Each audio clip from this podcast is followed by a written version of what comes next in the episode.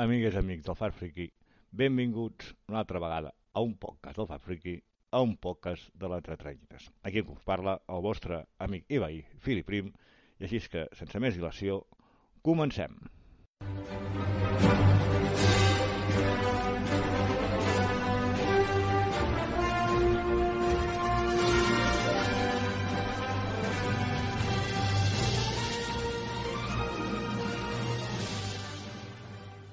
Possiblement, moltes i molts dels que m'esteu escoltant ja sapigueu bona part de la vida, però sobretot l'obra de Stanley Martin Lieber, The Man, més conegut com a Stanley. Potser alguns direu, ah sí, aquell senyor que sortia a totes les pel·lícules de Marvel, però si sou lectors de còmics ja sabreu que va ser molt més que això. Es podria dir que ell va ser el creador, l'artífex de molts dels nostres superherois que encara avui en dia llegim i podem gaudir a les nostres pantalles. És aquí el meu petit homenatge, recordatori, del que per mi ha sigut una de les figures més importants. Potser dir de la meva vida seria exagerat, però que ben segur, sense la seva figura, no m'estimaria tant al obert, ni estaria fent aquest podcast o tot el que fem al FAR. Tot i que en algun moment ho comentaré, no entraré massa en la discussió sobre ell i Jack Kirby, The King. Són un nom que li va posar el mateix Stan Lee. No m'interessa gaire aquesta guerra en qui dels dos va tenir més importància a l'hora de, de crear els personatges i les seves històries. Per mi simplement es van creuar dues ments brillants i que per la qüestió que sigui ja fos pel caràcter més extrovertit, amb ganes de ser reconegut, i de lo que, i de lo que feia fos respectat, Stan Lee, envers a un caràcter més humil i discret que simplement gaudia de la seva feina i afició, però que no li agradava ser el focus d'atenció, Jack Kirby. Doncs segurament per això avui en dia encara es reconeix més el mèrit d'un i no tant de l'altre, quan per mi és el 50% i un sense l'altre, i aquí, i aquí hi afegiria Steve Ditko, la Marvel que coneixem no seria ni la meitat de lo que és ara. Com deia aquella frase, quan dues persones han fet tantes coses conjuntament, al final el que queda és lo positiu abans que les diferències. Però anem a repassar una mica el recorregut de Stanley. Fill d'immigrants jueus i procedents de Romania, és curiós que en diferents biografies i llibres sobre la seva vida no sol parlar gaire de la seva família ni del seu passat. Sembla com si en certa manera s'avergonyís de, del seu passat o de les seves arrels. També hi deu fer la relació distant que mantenia amb el, amb el seu pare, que constantment canviava de feina i depenien de l'ajuda familiar, sobretot de part de la mare, i el qual volia que el seu fill gran fos un devot jueu, coses que a Gastant no li interessava gaire, just al contrari que la seva mare, la qual sentia devoció per al seu fill gran i lluava constantment. El jove Stan Lee, mentre anava a estudiar, mirava de guanyar-se la vida com bonament podia, fent múltiples i variades feines, de mosso d'hotel, venent subscripcions del New York Herald Tribune als seus companys d'institut, d'acomodador en un teatre, etc. Fins que finalment, i amb 19 anys, cansat de totes aquelles feines, decideix anar a demanar feina a Martin Goodman, propietari de Timely Comics, que estava casat amb una cosina de la seva mare. Sempre s'ha dit que era un oncle seu, però en realitat és que eren com cosins segons, el que Martin era molt més gran que la seva esposa i possiblement d'aquí que sempre s'ha dit que era oncle seu. Doncs això, que se'n va a les portes de Timely Comics, futura Atlas i definitiva Marvel Comics, està bé recordar que en aquella època hi, ja hi treballaven dos joves escriptors molt promotadors, com Joe Simon i Jack Kirby. El primer feia d'editor i el segon de director artístic. En aquella època, Stanley Comics editava principalment westerns i romàntics. Stanley era el noi dels encàrrecs. Portava els cafès, borrava els llavis de les entitats... Sí, sí, heu escoltat bé. Ell li portava el cafè a Jack Kirby i a Joe Simon, entre d'altres. Ell intentava formar part d'aquell grup d'artistes i fer-se amic seu. En aquella època, els còmics portaven dues pàgines escrites en prosa per emplenar i complir una llei la qual fos més educatiu. Tant insistia el jove Stan per poder escriure alguna cosa, que en la Capitana Amèrica número 3 li van deixar fer un d'aquests escrits. Molta gent ha pensat erròniament que Stan Lee va crear amb Jack Kirby, Steve Ditko o Joe Simon la majoria dels superherois de Marvel, però el Capità Amèrica va ser creat per Joe Simon i Jack Kirby, on on Namor mateix va ser creat per Bill Everett. Però degut a que Martin Goodman incomplia constantment el contracte que tenia amb Joy Simon i Jack Kirby per als beneficis, per als beneficis d'aquests còmics, aquests dos, d'amagat, treballaven per l'editorial nacional, futura DC, cosa que per contracte no podien. Jack Kirby sempre va pensar que va ser el jove Stan el que ho va explicar al seu familiar, però com va dir en diferents ocasions Joy Simon, això era una cosa que tothom sabia i que podia haver estat qualsevol. Així que, acomiadat els dos artistes, Stan es queda com a editor i director artístic. El primer còmic on apareix Stanley com a editor va ser el Capitán Amèrica número 12. A la vegada també anava escrivint els guions i les temàtiques d'altres còmics de Tangley, sobretot de caire humorístic i d'animals, aprofitant que Disney començava a tenir cert impacte. Alguns dels autors d'aquests còmics recorden estant com un editor exigent, però a la vegada donant màniga ampla als creadors i que tot sovint feia suggerències per a les històries. També col·laborava en diferents revistes. Curiós que un es digués Joker. Lo de ser editor i director artístic tenia que ser temporal, però la cosa es va anar allargant fins que Estats Units es veu immers en la Segona Guerra Mundial. Però ell té la sort de no ser enviat al front i quedar-se als Estats Units redactant continguts informatius i didàctics llicenciat de l'exèrcit el 29 de setembre del 45, abans de tornar a Timely, intenta sense èxit treballar en altres editorials que no fossin de còmics. Sempre s'ha dit que el seu somni era, era escriure la, la gran novel·la americana. I és curiós que dels pocs llibres que va escriure, un es titulava Pots guanyar diners amb els còmics i un altre titulat El secret dels còmics. Va ser en un d'aquests còmics on Stan ignora la creació del Capitán Amèrica per part de Joe i Kirby insinuant, insinuant que va ser idea de Martin Gugman, cosa que per suposat va sentar faltar als autors, i de la qual Jack Kirby va arribar a dir que mai treballaria per Stan, el que considerava un jove engreït. Però aquella promesa l'acabaria trencant amb el temps. Arribat un altre cop a Timely, recupera el seu antic lloc de treball i al Nadal del 46 assisteix a una festa on coneixeria la seva futura muller. Una actriu britànica de nom Joan Clayton Bocock, Seria un amor a primera vista, per les dues parts. Només hi havia un problema. Joan ja estava casada amb un militar nord-americà. Per poder-se casar, casar, ella va aprofitar una llei que havia a l'estat de Nevada, la qual deia que si una dona casada vivia sola durant sis mesos es podria separar. I així ho van fer. La Joan se'n van a viure sis mesos a Nevada i es van casar. El de les lleis americanes també és, és per, per estudiar-ho, la veritat. pues així, i es van casar finalment. Cosa que el pare de Stan no li va fer gaire gràcia, ja que volia que el seu fill es casés amb una noia jueva. I tot i que per contentar la família, també finalment van celebrar un, un casament jueu. Al cap de dues setmanes es moriria la mare de Stanley, degut a un càncer, i el seu germà, Larry Lieber, més petit que ell, se'n va anar a viure amb la jove parella. El germà també, amb el temps, va passar a treballar a Tamil Comics i a la vegada també treballar pel seu germà. Es dedicava a entintar, cosa que li suposava un bon sou, però Stan estava convençut que el seu germà podia arribar a ser un bon guionista. I tant va ser així que potser molta gent no sap que Larry Lieber és co-creador co de Thor, donant-li el seu alter ego Donald Blake, creant a Jane Foster, Loki o Mondasgar, etc. També co-creador de Groot, Ant-Man i ajudant, i ajudant a forma a lo que seria Iron Man, entre molt altres. Sempre hem parlat dels grans dels còmics i mai s'anomena Larry River, eh, una llàstima. Estem ja al principi dels 50.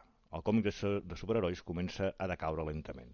La indústria es veu afectada per la crisi i sobretot per un personatge, el psiquiatre Frederick Wertham, el qual es convertiria en l'abanderat en la lluita contra aquest gènere, arribant a publicar el famós llibre La seducció de l'innocent, on exposava, segon ell, totes les maldats i els efectes nocius que tenien els còmics de terror i en especial en el dels superherois sobre el jovent i l'adolescència nord-americana. Aquest llibre, arribant a ser un superventes i fent que hi hagués cremes arranjades de còmics, això va fer que les editorials, mentre lluitaven contra Frederick Wertham, impulsessin altres gèneres com el romàntic.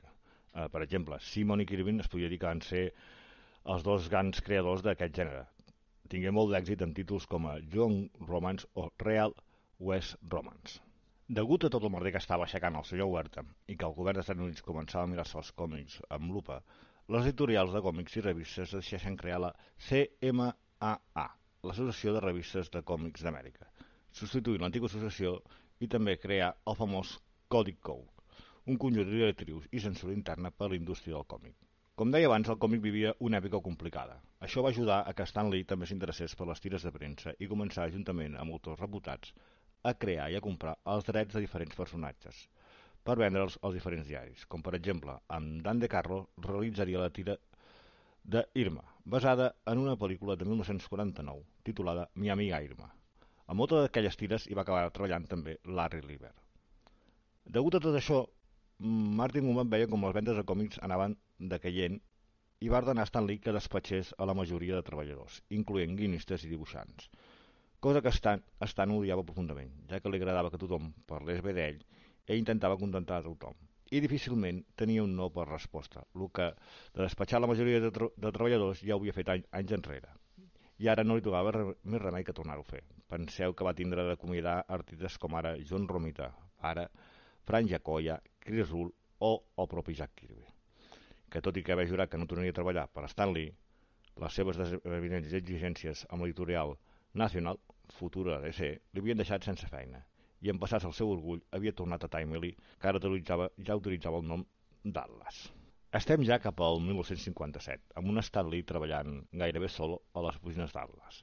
Això fa que els seus ingressos disminueixin notablement, cosa que fa buscar feines de freelance i potenciar la seva presència en les tires de premsa. A través del seu amic, amic i dibuixant Sol Brodsky, comencen a fer els còmics promocionals de la cadena d'hamburgueses Box Bob's Big Boy. Brodsky en el futur acabaria sent directiu de Marvel i un dels millors amics de Stan. Potser una de les tires més conegudes va ser Willy Lamping, les aventures d'un carter d'un petit poble i els seus esbojarrats habitants. En principi, Brodsky i Stan volien que fos un, un policia, però l'editorial va trobar més, més creïble i que seria més pròxim que, que Willy Lamping fos, fos un carter. Si busqueu en els còmics dels Quatre Fantàstics, és possible que trobeu aquest carter, i fins i tot en la pel·lícula d'aquests superherois del 2005, Stanley feia el seu cameo disfressat d'aquest personatge. Una altra de les tires de força èxit va ser una de gaire infantil, Miss Lion's Cap, juntament amb un altre gran, com Joey Manelli, un dels dibuixants preferits d'Stan. Curiós que per fer aquest personatge es va inspirar amb els, amb els Boy Scouts, amb els, amb els escoltes espanyols. En aquella època hi havia autors de tires de premsa que s'havien fet rics i famosos, com Lip Abner del Cap o Terry los Pirates de Milton Caniff.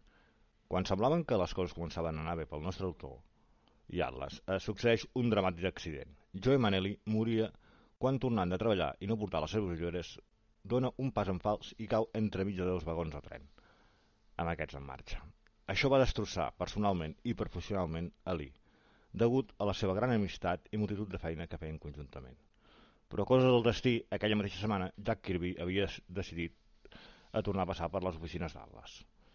Tot sigui dit que mai sabrem si va ser Kirby qui va anar a veure Stan o aquest el truqués per donar-li feina. Uh, Kirby assegurava que ell havia salvat Atlas i Stan, ja que al tornar a l'empresa estava en fallida i ell va capgirar la situació, cosa que Stan sempre, sempre ha negat. Així que Tekin torna a treballar per i amb Stanley amb la col·laboració habitual de Larry Deliver. En aquella època, 1958, Jack Kirby va ser l'autor que més va crear per l'editorial, marcant una imatge i una marca inconfusible. És aquí quan els dos grans, encara no ho eren, però s'hi estaven acostant, comencen a crear les històries de ciència-ficció i western, de Tal, To Astonish i Strange Tales. Dins de l'editorial es tornen a reunir grans artistes, com Don Heck, Dick Ayers, Joy Sinnott i un tal Steve Ditko. La, la majoria d'autors reconeixen que era força senzill treballar per ell i que solia ser fable amb el tracte i no solia ser rancorós si s'enfadava. Entre 1960 i 1961, Lee i Kirby reinventen un antic personatge de la companyia, Rough Kid. Tot i el temps que feia que era l'editorial, es podria dir que aquell va ser el primer personatge fixe en el que van treballar tots dos. Gairebé un any després, en l'Amazing Adventures número 1, creen el Doctor Drum, de, temàtica, de temàtica màgica. Si el nom us pot recordar algú, espereu el seu origen. Un metge occidental que es transforma en un bruixot oriental sense cap tipus de, de, de justificació. Aquest personatge es recuperaria als anys 80, si no mal recordo, eh, a la sèrie de, dels Avengers, però és un personatge bastant sense cap, cap mena o sense molta, molta importància. Aquí es començaven a sentar les bases de l'anomenat mètode Marvel una breu explicació sobre el guió, es dibuixava llapis, s'afeien els diàlegs per finalment entintar i ser colorejat. És a través de Amazing Adventures que en el número 15 passa a dir-se Amazing Adult Fantasy, on Lee i Dicto van creant històries més adultes, incloent un índex de continguts, missatges dels autors dirigits als lectors, cosa que no tenien els altres còmics, o aquella famosa frase en la portada que deia el magazín que respecta la teva intel·ligència. Stanley tenia clar que es tenia que tractar els joves i adolescents amb respecte i pensant que aquells còmics també podien anar destinats a un públic eh, més, més adult. És per aquelles dates que Martin Koeman veu que els còmics de la competència, la National Comics, futura DC, recordem-ho, comença a tenir, comencen a tenir un altre cop molt d'èxit, gràcies al rentat de cara que havien sofert, eh, diguem-ho així, eh, Superman, Flash, Green Lantern, etc. I que l'editorial havia creat un supergrup amb la majoria d'aquells superherois. Així que li carrega a Stanley que creï un grup de superherois aprofitant els antics que ja disponia l'editorial, com el Capità Amèrica, Namor, etc. Però Stanley ja començava a estar fart de fer sempre el mateix i volia fer alguna nou i diferent. L'idea que tenia Goodman era això, recuperar els antics herois de l'editorial donant-los un aire nou. Per això possiblement es va acabar incloent l'entorxa humana per contentar el propietari de l'editorial. Aprofitaven l'entorxa humana original i li donaven una, un nou aire, un, un, nou, un nou enfocament. Aquí la història ens diu, mai sabrem la versió exacta, que Stan començava a estar cansat dels còmics, de fer sempre el mateix, i que va ser la seva dona, la Joan, que li va suggerir que fes el que ell realment volia. Llavors ell aniria a Jack Kirby amb la idea dels Quatre Fantàstics. I aquí començaria tot. En una entrevista a Stanley del 2010 diu les idees van ser meves, perquè eren la meva responsabilitat. Vaig somiar amb els Quatre Fantàstics. Vaig escriure un meu resum i li vaig passar a Jack Kirby, que ell va fer una magnífica feina amb ells. I en una entrevista a Jack Kirby del 1990, aquest declarava «Jo vaig crear el grup, jo vaig crear Thor. Tot el que fos necessari per vendre un còmic. Tot era idea meva. Stanley mai ha tingut una ment editorial. És impossible que un home com ell fes coses noves o inclús velles. De la creació i llegenda d'aquest primer còmic n'hi ha moltes, i com he repetit abans, mai sabrem exactament la veritat. La qüestió és que dos artistes començaven a crear alguna nou i diferent. Uns superherois que es diferenciaven de la resta de la competència. Eren més humans, més pròxims i, a part dels seus enemics, tenien problemes quotidians, creïbles, i era molt més fàcil identificar-se amb ells.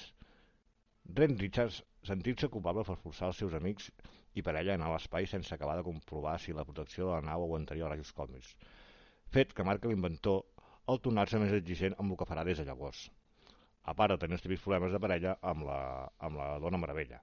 Ben Grimm sentint-se un monstre i rebutjat per la societat, però acabant demostrant que un bon cor és més important que qualsevol aparença.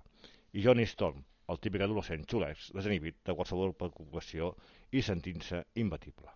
Stanley també tenia clar que a partir d'aquests personatges, els que viguessin a partir de llavors, compartien un univers i ciutats conegudes com ara Nova York a Nova York o principalment també a altres ciutats d'Estats de, de, Units, no com la competència que ve servir ciutats imaginàries com Metropolis o Gotham.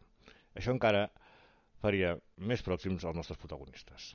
A mode de curiositat, una de les primeres crítiques de, de, de, de bé eren d'un jove professor d'anglès anomenat Roy Thomas. Us sona aquest nom? Les primeres 7-8 pàgines del Fantastic Four són memorables, digne de qualsevol de les millors sèries de televisió del moment, amb un Redridge cridant els seus companys utilitzant una bengala la qual dibuixava el símbol dels quatre fantàstics al cel. I com a mode de presentació anem veient cada un dels components de l'equip. Uh, per mi aquella, aquella presentació situant en aquella època la trobo magnífica. Per Kirby era molt important retratar a través dels seus dibuixos el sentiment dels seus personatges i la intensitat narrativa. Per Lee, com els seus personatges deien el que deien, en quina emoció expressaven els seus pensaments, sentiments i personalitat, era tan o més important que la pròpia història. Aquesta combinació és pura essència Marvel. Ja estem als inicis de 1962, l'any de la creació de l'Incredible Hulk. Tot i que el personatge només aguantaria 6 mesos i encara tardaria uns quants anys a posar-se de moda, si ens hi fixem, Hulk era la combinació dels mostres que sortien a Amazing Adult Fantasy i l'idea que tenien Stan i Kirby sobre els nous superherois. Però estem a les portes de la creació del que possiblement sigui el personatge insígnia de l'editorial. I com ja es podeu imaginar, no és altre que el nostre amic i veí, Spider-Man.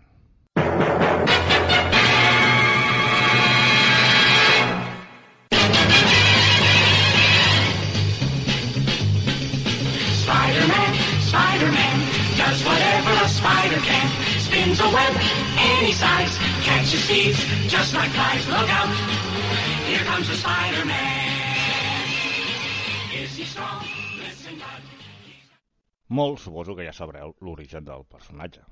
Peter Parker, brillant estudiant, impopular, objectiu de les mofes dels seus companys d'institut, picat per una aranya radioactiva i obtinguent els poders proporcionals d'aquesta. Decideix que amb aquests poders pot fer molts diners i així ajudar els seus oncles que es cuiden d'ell des de la mort dels seus pares. Però el fet de no ajudar a tenir un lladre queda marcat de per vida. El descobrir que aquest acabaria matant el seu oncle descobrint així que un gran poder comporta una gran responsabilitat. I des de llavors decideix combatre el crim perquè així ningú més hagi de patir una pèrdua semblant. La perfecta combinació de Lee amb Steve Ditko crea el que seria tot unit per la cultura pop. Possiblement sigui l'origen perfecte d'un superheroi. diferenciant-se de lo que, de lo que s'havia pogut veure i llegir fins llavors. Res a veure amb un soldat amb poders, un superhome vingut de l'espai o un multimilionari amb molts artefactes. Peter Parker representava a una àmplia majoria americana. Molts adolescents i no tan adolescents s'hi podien identificar fàcilment. El noi pobre i humil, que deixant a part dels seus poders, quan no era Spiderman, tenia multitud de problemes econòmics. Afegint-hi la salut de la seva tia, cap noia li feia cas, el seu cap, no feia, el, el seu cap només feia que cridar, etc. Aquí hi podem veure reflectit les vivències i experiències dels, dels seus creadors. Stan Lee havia viscut la malaltia de la seva mare fins que va morir. Peter Parker físicament s'assemblava molt a Steve Ditko. Tots dos provenien de famílies pobres i humils, acostumats a lluitar dia a dia per tirar endavant. Tot i que Lee sempre va dir que l'institut formava part de molts clubs, segurament li va ser difícil i no va poder arribar a la universitat. L'institut que dibuixa Ditko és idèntic a aquell anava, i en Flash Thompson era un noi que anava a la classe de tecnologia de Dicto i es dedicava a robar els diners per l'esmorzar i abusar dels més dèbils. El nostre Peter Parker és una gran barreja d'ells dos. Un altre fet important per al naixement de Spider-Man és que a Stanley no li agradaven els ajudants companys dels superherois, representats sempre per adolescents. I per això es va voler imaginar què passaria si un adolescent amb poders fos el protagonista. Si li sumem els problemes típics d'aquests, doncs segurament per això ell no va voler anomenar Spider-Boy o Spider-Kid. En principi, tenia que ser Kirby qui dibuixés Spider-Man, però una sèrie de problemes va fer que fos Dicto qui l'acabés dibuixant.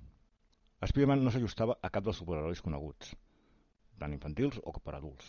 Peter Parker no tenia diners ni estatus important. Llegir Peter Parker amb els seus canvis de vida, més fracassos que èxits, com adolescent, orfe, company de classe, i nebot i a la vegada superheroi, això va resultar irresistible per als lectors. La manera de ser que canviava quan era Spider-Man a quan era Peter Parker, desanimit, descarat, amb un sentit de l'humor particular, i tímid i introvertit per l'altre costat, doncs això era irresistible. La manera que el personatge anava creixent amb les seves dues personalitats, començant a tenir fins i tot algun triomf amb el personal, tot això era molt atraient. Tot això li hagués passat a Peter Parker sense poders? Els poders creen l'home o aquest dona forma als mateixos? Fos com fos, el personatge anava canviant i millorant a mesura que avançava la sèrie. Es comportava i reaccionava com molt de nosaltres haguéssim fet o ens hagués agradat fer. No era perfecte, però tot i que a vegades semblava que es rendia, no ho deixava d'intentar dia darrere dia. Estava lluny de ser perfecte. Això el feia, el fa molt humà, molt pròxim i fàcilment identificable. Tots lluitem per al nostre dia a dia, tot lluitem per als nostres. Intentem superar-nos per poc que sigui. Potser hem tardat en descobrir el que és un gran poder, però sí el tenir grans responsabilitats.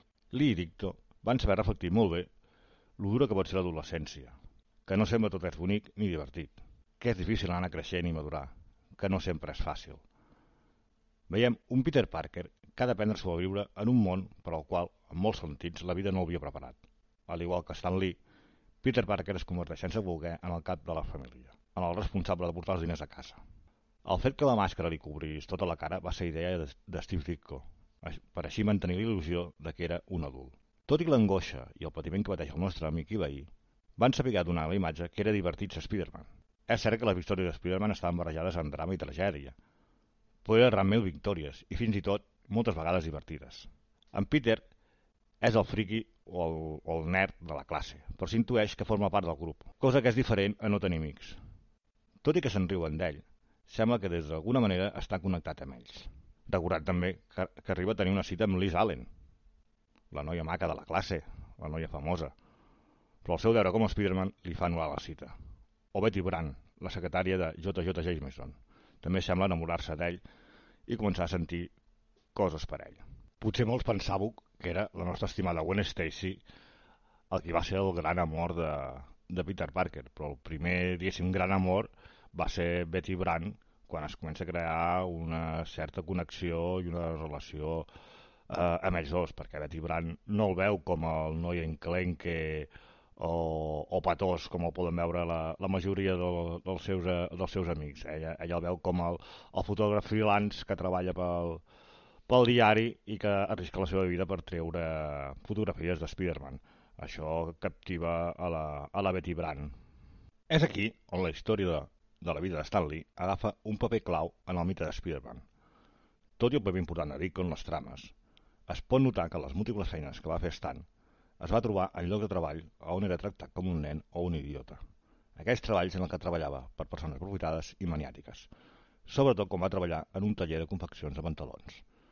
Sona semblant amb la relació que té Peter Parker en Jameson. Suposo que d'aquí tinguem moments hilarants, com per exemple quan li posa taranyines a la cadira o l'enganxa a la paret, el somni de molts de nosaltres vers els nostres caps. Fins i tot li aconsegueix demostrar lo que és Jameson, fer-li reconèixer en el clàssic Amazing Spider-Man número 11 el per què està tan obsessionat amb Spider-Man. Tot i que va ser Dicto qui va dissenyar l'escena, és Lee qui li posa les seves paraules a la boca de Jameson. Spider-Man representa tot el que jo no sóc. Ell és valent, poderós i, desinteressat. La veritat és que l'envejo, perquè mai podré arribar al seu nivell. Així que l'únic que puc fer és destruir-lo, perquè el cel m'ajudi, estic gelós d'ell. D'una manera o altra, l'adolescent que hi ha en el fons de Peter Parker, i també de Stanley, no va ser mai oblidat. La saga de Spider-Man és la història d'un jove, jove que viu en una bombolla d'estimació, i que és trencada sobtadament i ha de lluitar amb la multitud de conseqüències. Ha de lidiar amb la mort del seu oncle, de la qual se sent culpable. De la mateixa manera que el fill d'un pare sense feina eh, podria culpar dels mals de la família i els continus mals de tia May representarien la malaltia de la mare d'Estan. La mort de l'oncle Ben allunya Peter del món de l'espectacle, algo que el propi Stan somiava. També les múltiples vegades que Spider-Man es planteja deixar-ho per primer cop en l'Amazing Spider-Man número 4 de 1963, ell reflexiona Seré un camp de pardals que perd el temps buscant inútilment fama i glòria? Soc Spiderman per al plaer de l'aventura o per ajudar la gent? Per què ho faig? Per què no renuncio tot? Això es podia comparar amb les vegades que Stan Lee s'havia plantejat deixar el món dels còmics. Els textos de Ditko deixen clar que tant ell com Lee tenien la necessitat de ficar-se en la ment dels seus personatges, amb els quals treballaven. D'alguna manera, la barreja de necessitats, obsessions i el talent creatiu va dotar Spiderman d'una sensibilitat que era molt dels seus autors, però a la vegada també identificable amb Marvel, encara que radicalment diferent a l'ampli univers Marvel que es va construir des de llavors amb les col·laboracions de Lee i Kirby, per exemple. Peter Parker, tal com apareix en els còmics, era un personatge de grans contradiccions, orgullós i avergonyit, poderós i dèbil, centrat i dispers. Amb el temps, els autors també van arribar a discutir qui havia tingut més influència en la creació del personatge, com havia passat en Kirby i els Quatre Fantàstics, però sembla quedar clar que amb la barreja de tots dos, l'experiència vital, talent, interessos i obsessions dels autors, Spiderman no seria tot el que és. A igual que en Kirby, la gent, els suposats experts, discutiran sempre, com van fer els propis autors, sobre qui va fer el què. Al marge de tot això, quedaran les empreses i els tribunals determinaran qui rep acreditació oficial i quina, i quina recompensa econòmica. En quant a això últim, Lee ha sigut ben recompensat més enllà dels propis honors rebuts inicialment. La quantitat rebuda per Ditko sobre els seus drets sobre Spider-Man mai han sigut desvetllats i és objecte de, multitud, de múltiples rumors i especulacions. Es podria dir que Spider-Man és una obra que combinava l'idiosincràsia i la biografia dels seus, dels seus autors. Aquesta combinació va impactar poderosament els lectors, com es demostra les multitud de cartes que van rebre dient com de representats se sentien els lectors amb aquell pobre noi. És, és molt curiós i divertit repassar algunes d'aquestes cartes. Ara, per sort, en la nova edició que ha tret Panini de la Biblioteca Marvel, a la qual també hi ha Spider-Man, eh, com no, recuperen part d'aquelles cartes.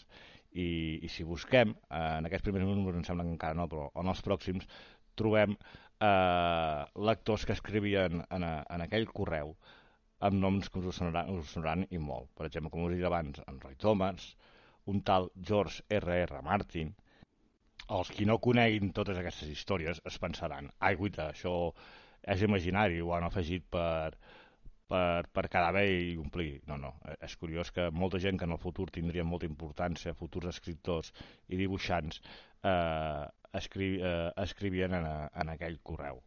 Això és molt important perquè veiem que molts d'aquests lectors en el futur acaba, acabarien sent guionistes de Spider-Man i que així es demostrarien l'amor que sentien eh, pel, pel personatge, no? com pot ser Jerry Colwine, Roger Stern, Tom DeFalco, eh, David Michelin, Lee, Lee Wynn, eh, sé que me'n puc deixar molts, eh? eh més endavant, eh, l'Straczynski, eh, The Mates, etc etc etc. Ja us dic, i perdoneu perquè me'n deixo moltíssim. Però el fet que, que eh, aquells nois en el futur acabessin escrivint a Spider-Man eh, aboquen tot el seu amor cap, a, cap al personatge i es veuen moltes de les sagues que, que acabaria tinguent el, el personatge.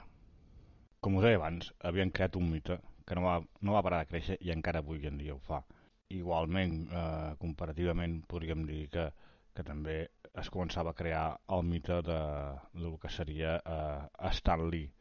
Eh, ja em pensem que és una persona que fins i tot eh, va arribar a gravar un disc amb relacions sobre Spider-Man i en cançons basades en les aventures i les aventures de, de Peter Parker. Estem parlant d'un disc de, de 1975 on es van combinant cançons i narracions de, de Stanley. Aquí us posaré un, un exemple. D'aquest disc en concret i, i d'un altre que també es va fer en, en cançons sobre, sobre Spider-Man i altres superherois, us en vam parlar, si no me'l recordo, eh, en el programa entre, entre Teranyines que parlàvem de, de la saga del clon. Però que dèieu, aquí un petit exemple de, del disc en qüestió. Effortlessly he glides between the tallest buildings in mammoth New York City, but has he really kissed his old way of life goodbye? There are many mysterious forces at work as he silently views the city from a perch high atop a skyscraper. Surely his bizarre and unique position of dual identity brings on its own unexpected traumas. What is Spider-Man really thinking?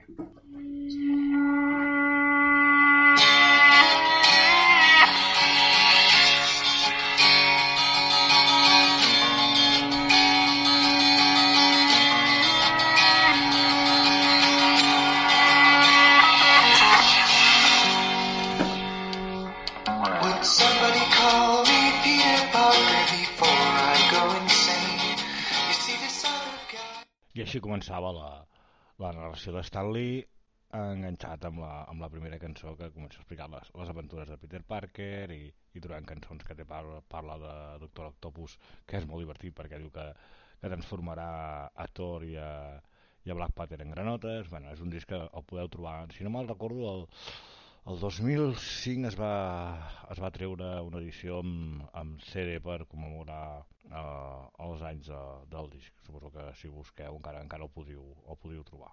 Però bé, retornant al, al punt d'abans que us parlés del, del, disc, del disc aquest, eh, Spider-Man ja havia començat a arrencar en, amb, molta, amb molta força i la popularitat de Marvel també seguia creixent. Els lectors i Marvin, Martin Goodman demanaven més superherois a l'estil dels Quatre Fantàstics i d'Spider-Man. Encara quedava molt d'espai per explorar en aquest magnífic univers que s'estava creant quedava molt de superherois per crear, no ho puguis per descobrir, i Stanley estava decidit a fer exactament allò. El futur prometia, i molt.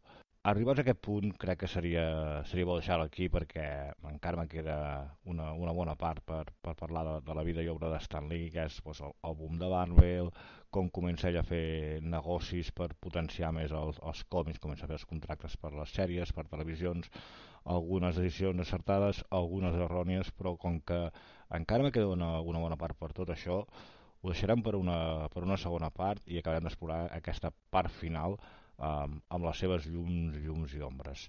Uh, us dic, ho, ho, us cito per la pròxima de Teranyines que acabarem aquest, aquest repàs a la, a la vida de Stanley.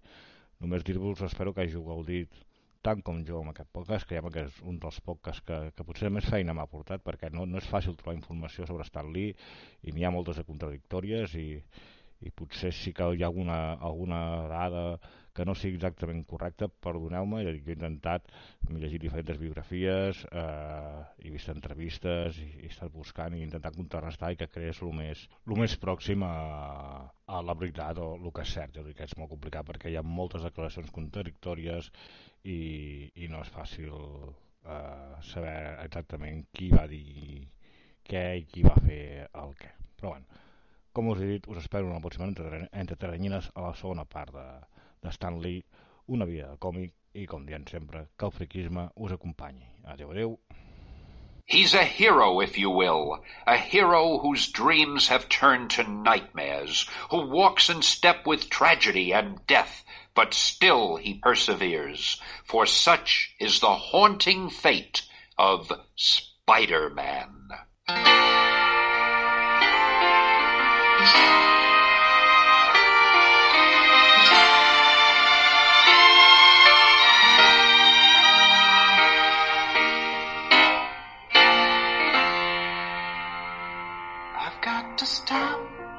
Take a look at myself.